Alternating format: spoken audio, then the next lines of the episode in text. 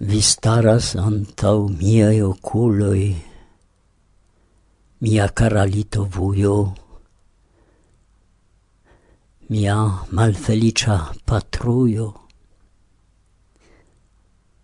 En la stratoi de mia malfelicia nascic urbo, Bielosto, sovagiai homoi, cun raciloi, cae ferai stangoi, sin jetis kiel plei cruelai bestoi contrau tranquilai logiantoi, cies tuta culpo estis nur tio che ili parolis alian lingvon cae havis alian gentan religion. Pro tio oni fracassis la cranioin, cae elpicis la oculoin, abomenindai crimuloi, per plei rusai, per plei malnoblai rimedoi, per amasse dissemitai mensogoi cae calumnioi. Arte creas teruran malamon inter unui gentoi cae aliai. Sed se la gentoi sin reciproce bone conus, se inter ili ne starus altai, dicai muroi. Oh, rompum, rompu muroin inter la popoloi. Varsovia vento. Bla, bla, bla.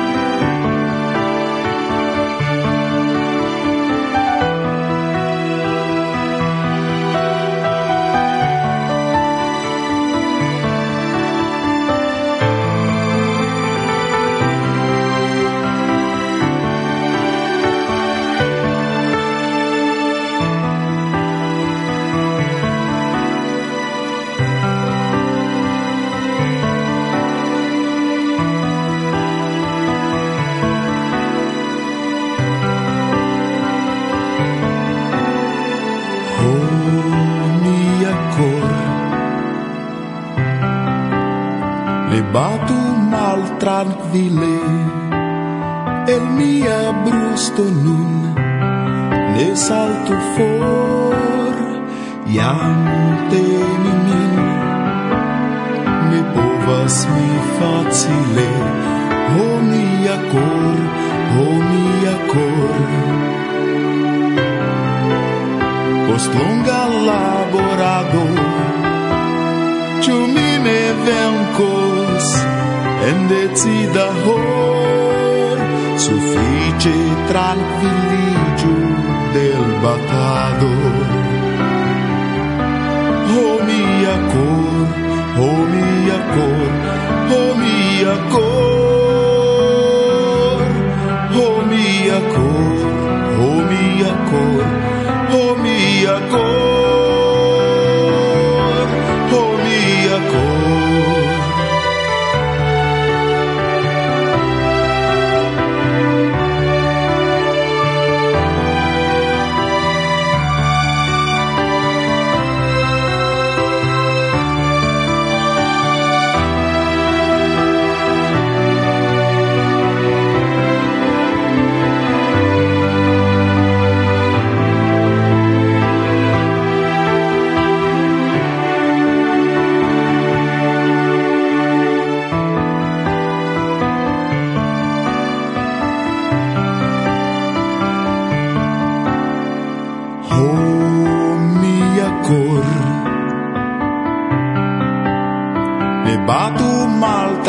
mobile el mia brusto nun.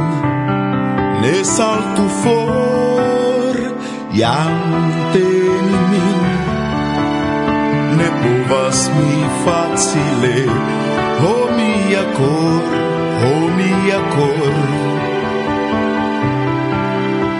Post longa laborado Ciu mi ne vencos en decida hor suffice tranquilligio del batado. O mia cor o mia cor o mia cor o mia cor o mia cor o mia cor o mia cor mia cor. Oh mia cor. Oh mia cor. Oh mia cor. Oh mia cor. Oh mia cor.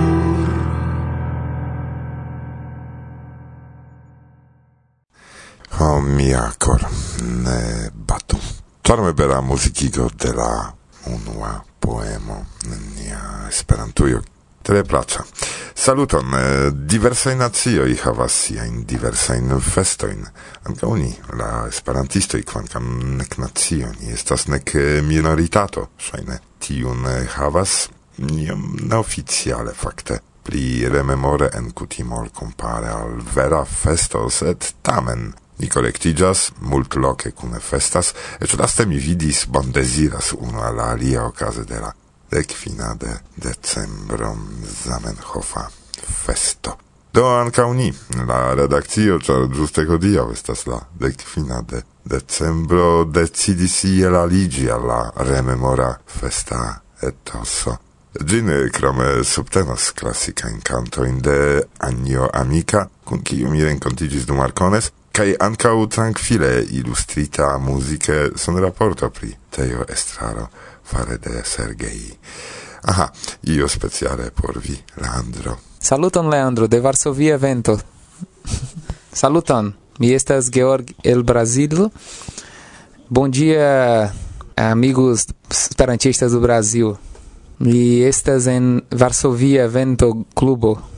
do carai la sepdek sesa elsendo de Varsovia vento.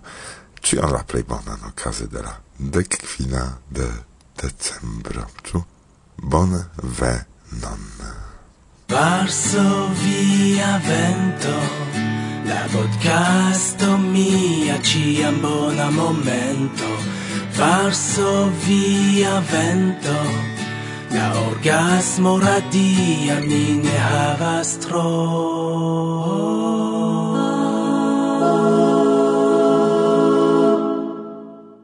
Saluton! Saluton, niai carai auscultantoi! Ĉu ĉiuj venis? Kalkulu ĝis tri. Unu... Du... Mancas Karina! Kie estas Karina? Sub la tablo? ne. En necesejo? Ne mi ne scias. Ankaŭ mi. Ankaŭ mi. Hum. en brazila lingvo hum. Kion ni faru? Nun. Kun Karina nenion, ĉar ŝi ne venis. Bedaŭrinde. Do hodiaŭ sen Karina. Vi travivos, karaj, ĉu ne? Mi sendube ne travivos. Kie estas nia jesa programulino? Se vi aŭdas nin, Karina... Sa!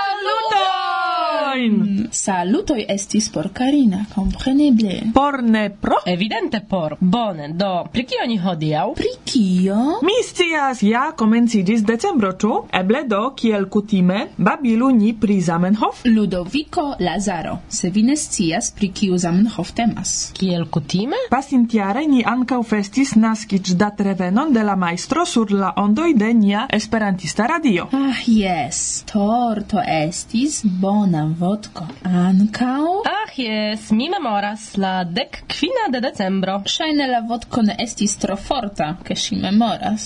Forta, ne forta, la feston mi memoras. Kiam de jaroj pasis? De la festo? Ne, ne, de la naskigio. Hmm, se mi bone calculas cent quindec du, ču? Hmm, kiel tempo rapide fluas. Yes, yes, anta momenton mi batis koleginon en infan giardeno mi memoras tion. Kion si faris? Mordis mian pupon. Mordis pupon? Ach, ne grava. Ne. Ne gravas. Komence ŝi bois kiel hundo kaj poste provis mordi ĉion kaj ĉiun. La hunda gripo. Hmm, certe ne la birda. Ĉar ĝi ne povis flugi. Ah, ankaŭ mi memoras kiam mi estis juna kaj bela. Multaj jaroj antaŭe. Hmm, ne tiel multe mi pensas. Ĉu kaj kial viaj manoj vibras? Ha? Ĉar vi tuŝas min. Tre Kai tu vi rimarkis sulgetoin ce via tute pala visaggio? Grisa visaggio, kai viai pucloi ne tiel brilas kiel iam. Ce Irek tute ne brilas. Ach, ce Irek. Irek simple estas saggia. Ciu? Do tio signifas, che se mi havas pucloin saggia mi ne estas? Ne, ne tion mi eh, diris. Haltu, haltu, ne tiel maljuna fakte vi estas. Ne kuntiru brovoin. Bona citrono. Mmm, citrincalar. Bine, mm. mai ești cu Pașorec. Mm. Vitaminoj. Polaj knabinoj manĝas vitaminoin kaj por tio estas baraj. Mm. Mm, mm, mm, mm, mm. Ni du manĝis tre bonan citronon. Mm, mm, mm, mm. Mm. Eble ni revenu alla temo. Ĉu? Kiu temo? Pri Ludovico, compreneble. Jam vi forgesis? Compreneble ke ne. Imago che la maestro non sidas inter ni. Mm, ne, blas. Kial ne? Oh, lin trafus tui cor ataco. Kial? Ĉu ni ne estas sufiĉe interesaj? Oh, se li aŭskultus pri kio ni parolas, li perdus eh, tutan esperon. Mi dubas. Ja ni parolas en Esperanto, do laŭ mi li ĝojus. Joyous, mal joyous, fin fine knabinoj parolu ni pri li. Yes. Muziko! Taun, taradam, taun, taun, taun. Najlepszy w paradzie i stać w me, me, me.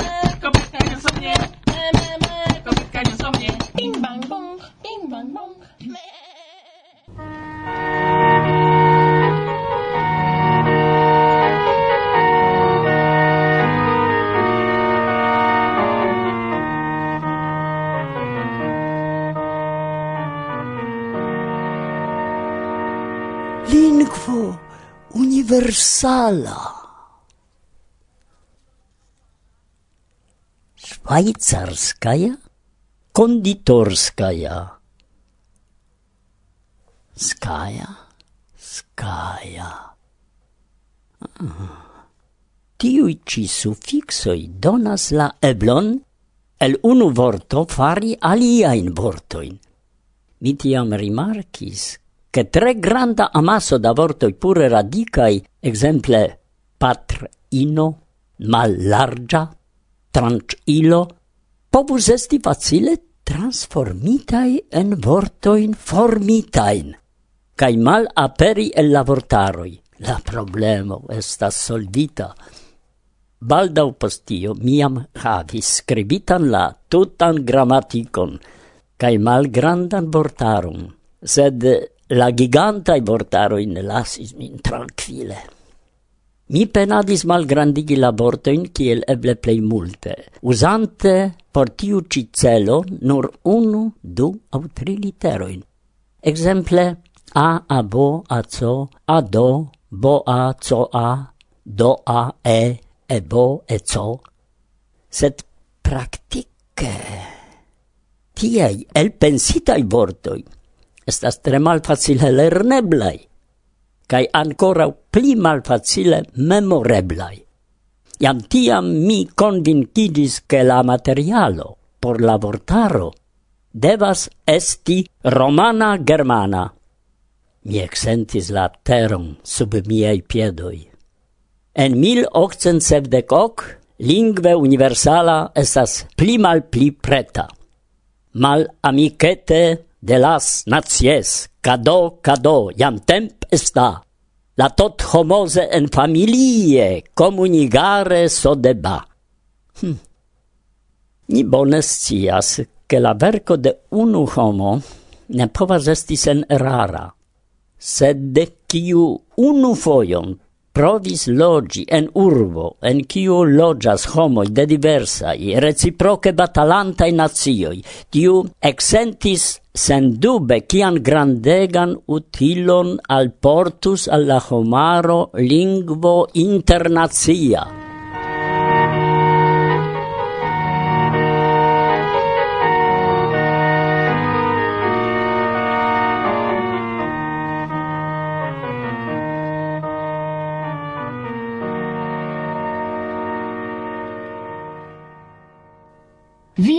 multaj semantoi de malpaco. Parolu nur pri malamo al cio, kio ne estas via. Parolu pri egoismo. Sed neniam uzu la vorton amo, char en via buŝo la sankta vorto amo malpuriĝas.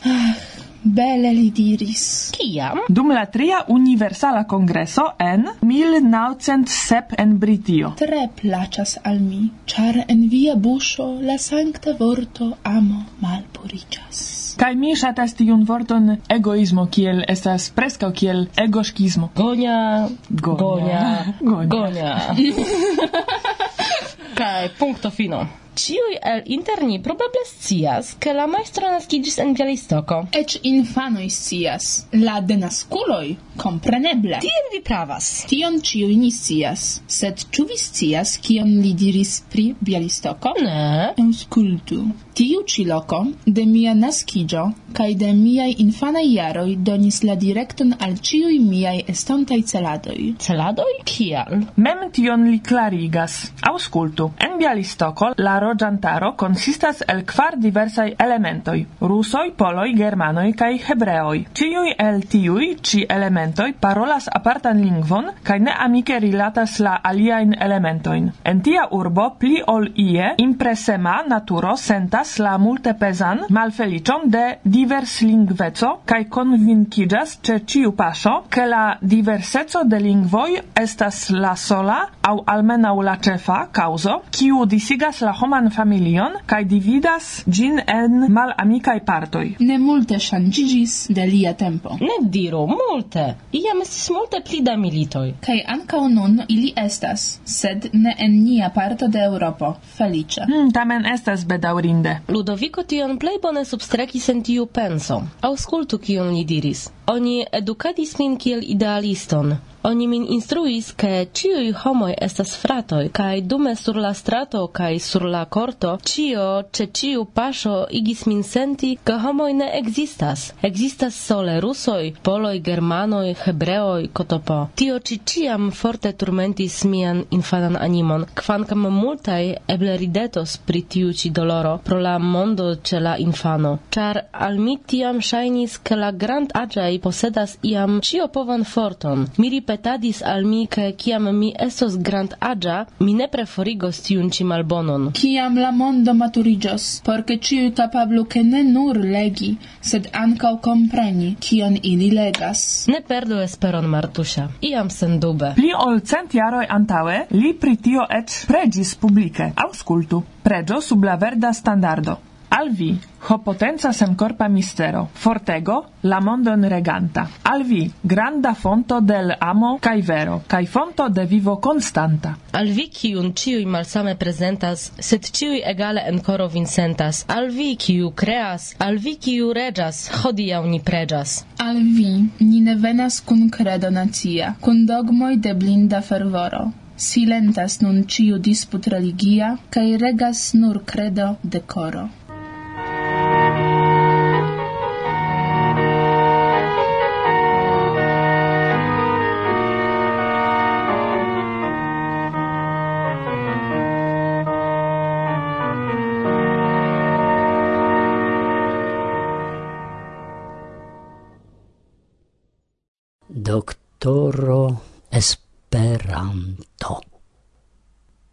lingvo internacia.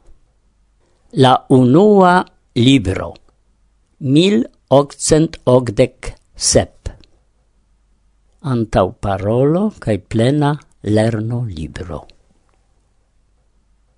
Alla afero cium mi nun proponas al la leganta publico, mi oferis miain plei bonain jaroin, Mi esperas cancav la leganto pro la gravezzo de la afero volonte offeros al gi iom da pacienzo cae attente tralegos la nun proponitan brosuron gis la fino. Ciom da tempo cae laboro estas perditai por la lernado de fremdai lingvoi. Sed, se ciu el ni havus nur du lingvoin, la gepatran ca internazian. Tiam farigius comunai educado, idealoi, convincoi, celado, cian grandegan signifon lingvo internazia havus por la scienzo, comerzo, Nenia ofero estus tro granda se oni povus per gi acquiri al ni la lingvon comune homan. Mi sentis che mi staras antau Rubicono. Oh, mia cor, ne batu mal tranquille. El mia brusto nun ne saltu for. Iam teni min ne povas mi facile, ho mia cor. Ciam aperos Mia brosuro miam ne havos la eblon reiri. Oh, mia cor! Post longa laborado ciu mi ne vencos en decida hor? suffice tranquilligiu del batado. O oh, mia cor!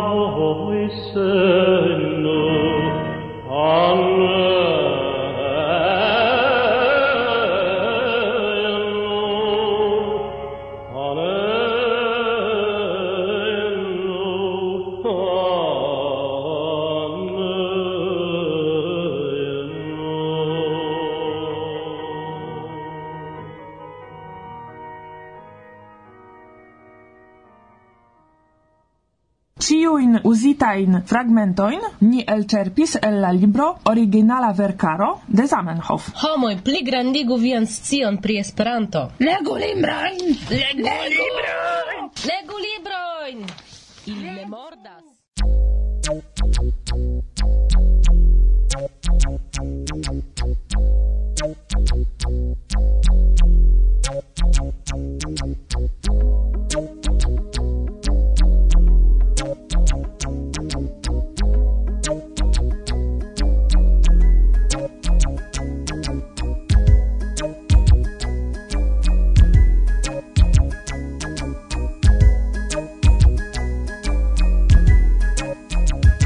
Facilas kiel ŝia razad rakonti fabloj Malfacilas marŝi kontraŭ vento de sabloj Facilas ne vidi kaj kunaĉuloj kunlabori. Malfacilas politike kontraŭstari Facilas ĉe armeo pafi iun per kuglo Malfacilas trakti malamikon kun indulgo.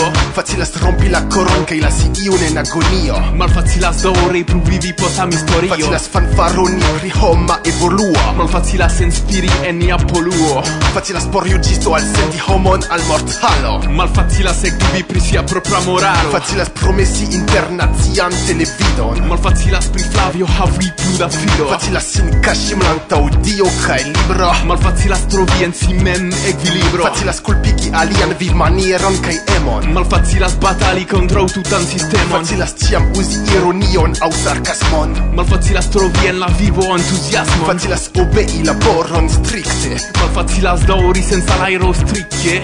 Facilas porni paroli kun fluo kaj poetic. Malfacilas provi repi. Post la paf clic. Parola Sifim Zaidman el Yalta Vi nun auscultas radion Varsovia Vento.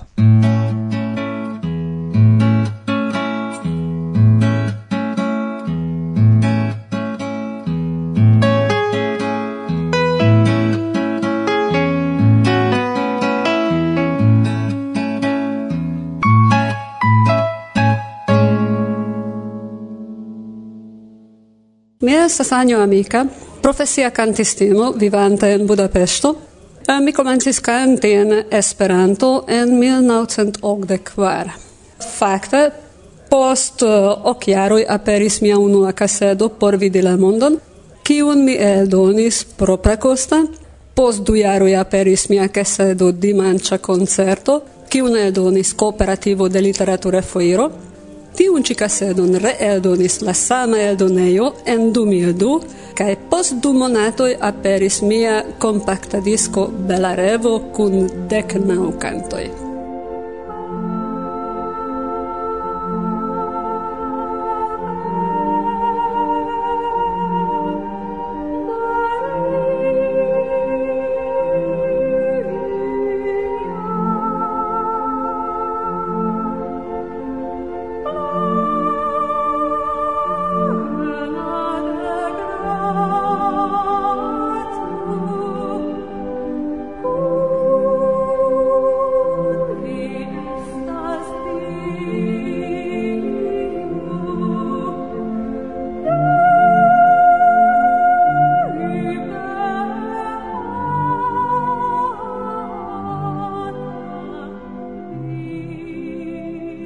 diris che vi estas profesia cantistino, do tio signifas che estis music studado kiun instrumenton tiam vi electis? Do fakte mia profesia cantado jam komencigis en la infana koruso de Hungara Radio kaj Televido, kie mi kantis kvin jarojn. Ĝis la elementa muziklerneja fino, kaj poste mi iris al muzikfaka gimnazio, sed fakte mi studis tie nur unu jaron, kaj eh, mi estis elektita alla conservatorio de Bela Bartok en Budapesto. Tie mi studis kvar jarojn, fakte mi tie abiturientiĝis, kaj poste mi iris al la muzikaltlernejo Ferenc Liszt. Post tiu ĉi uh, mi iris al la musica fako de Hungara Radio, kie mi studis ankoraŭ du jarojn. Kaj en 1970 mi ekzameniĝis kaj mi ricevis la funkci permesilon kiel melodikantistino.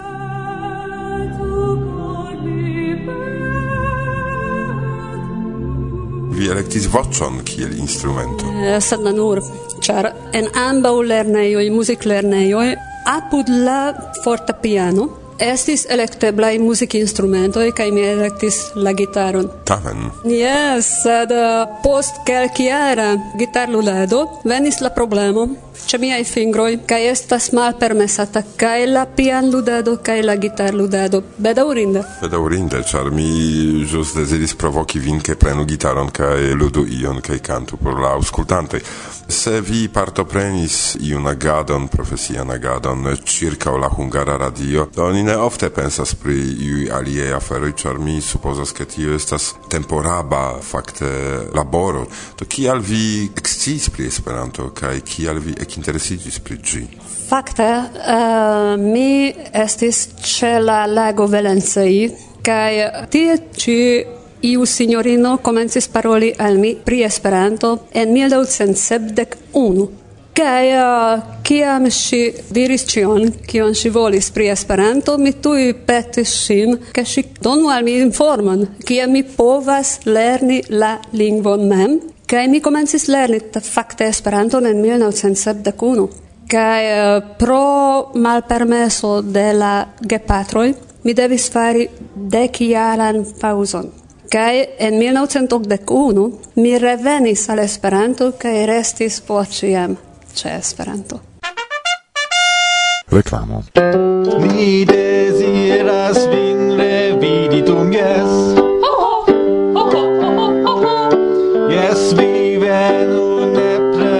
że je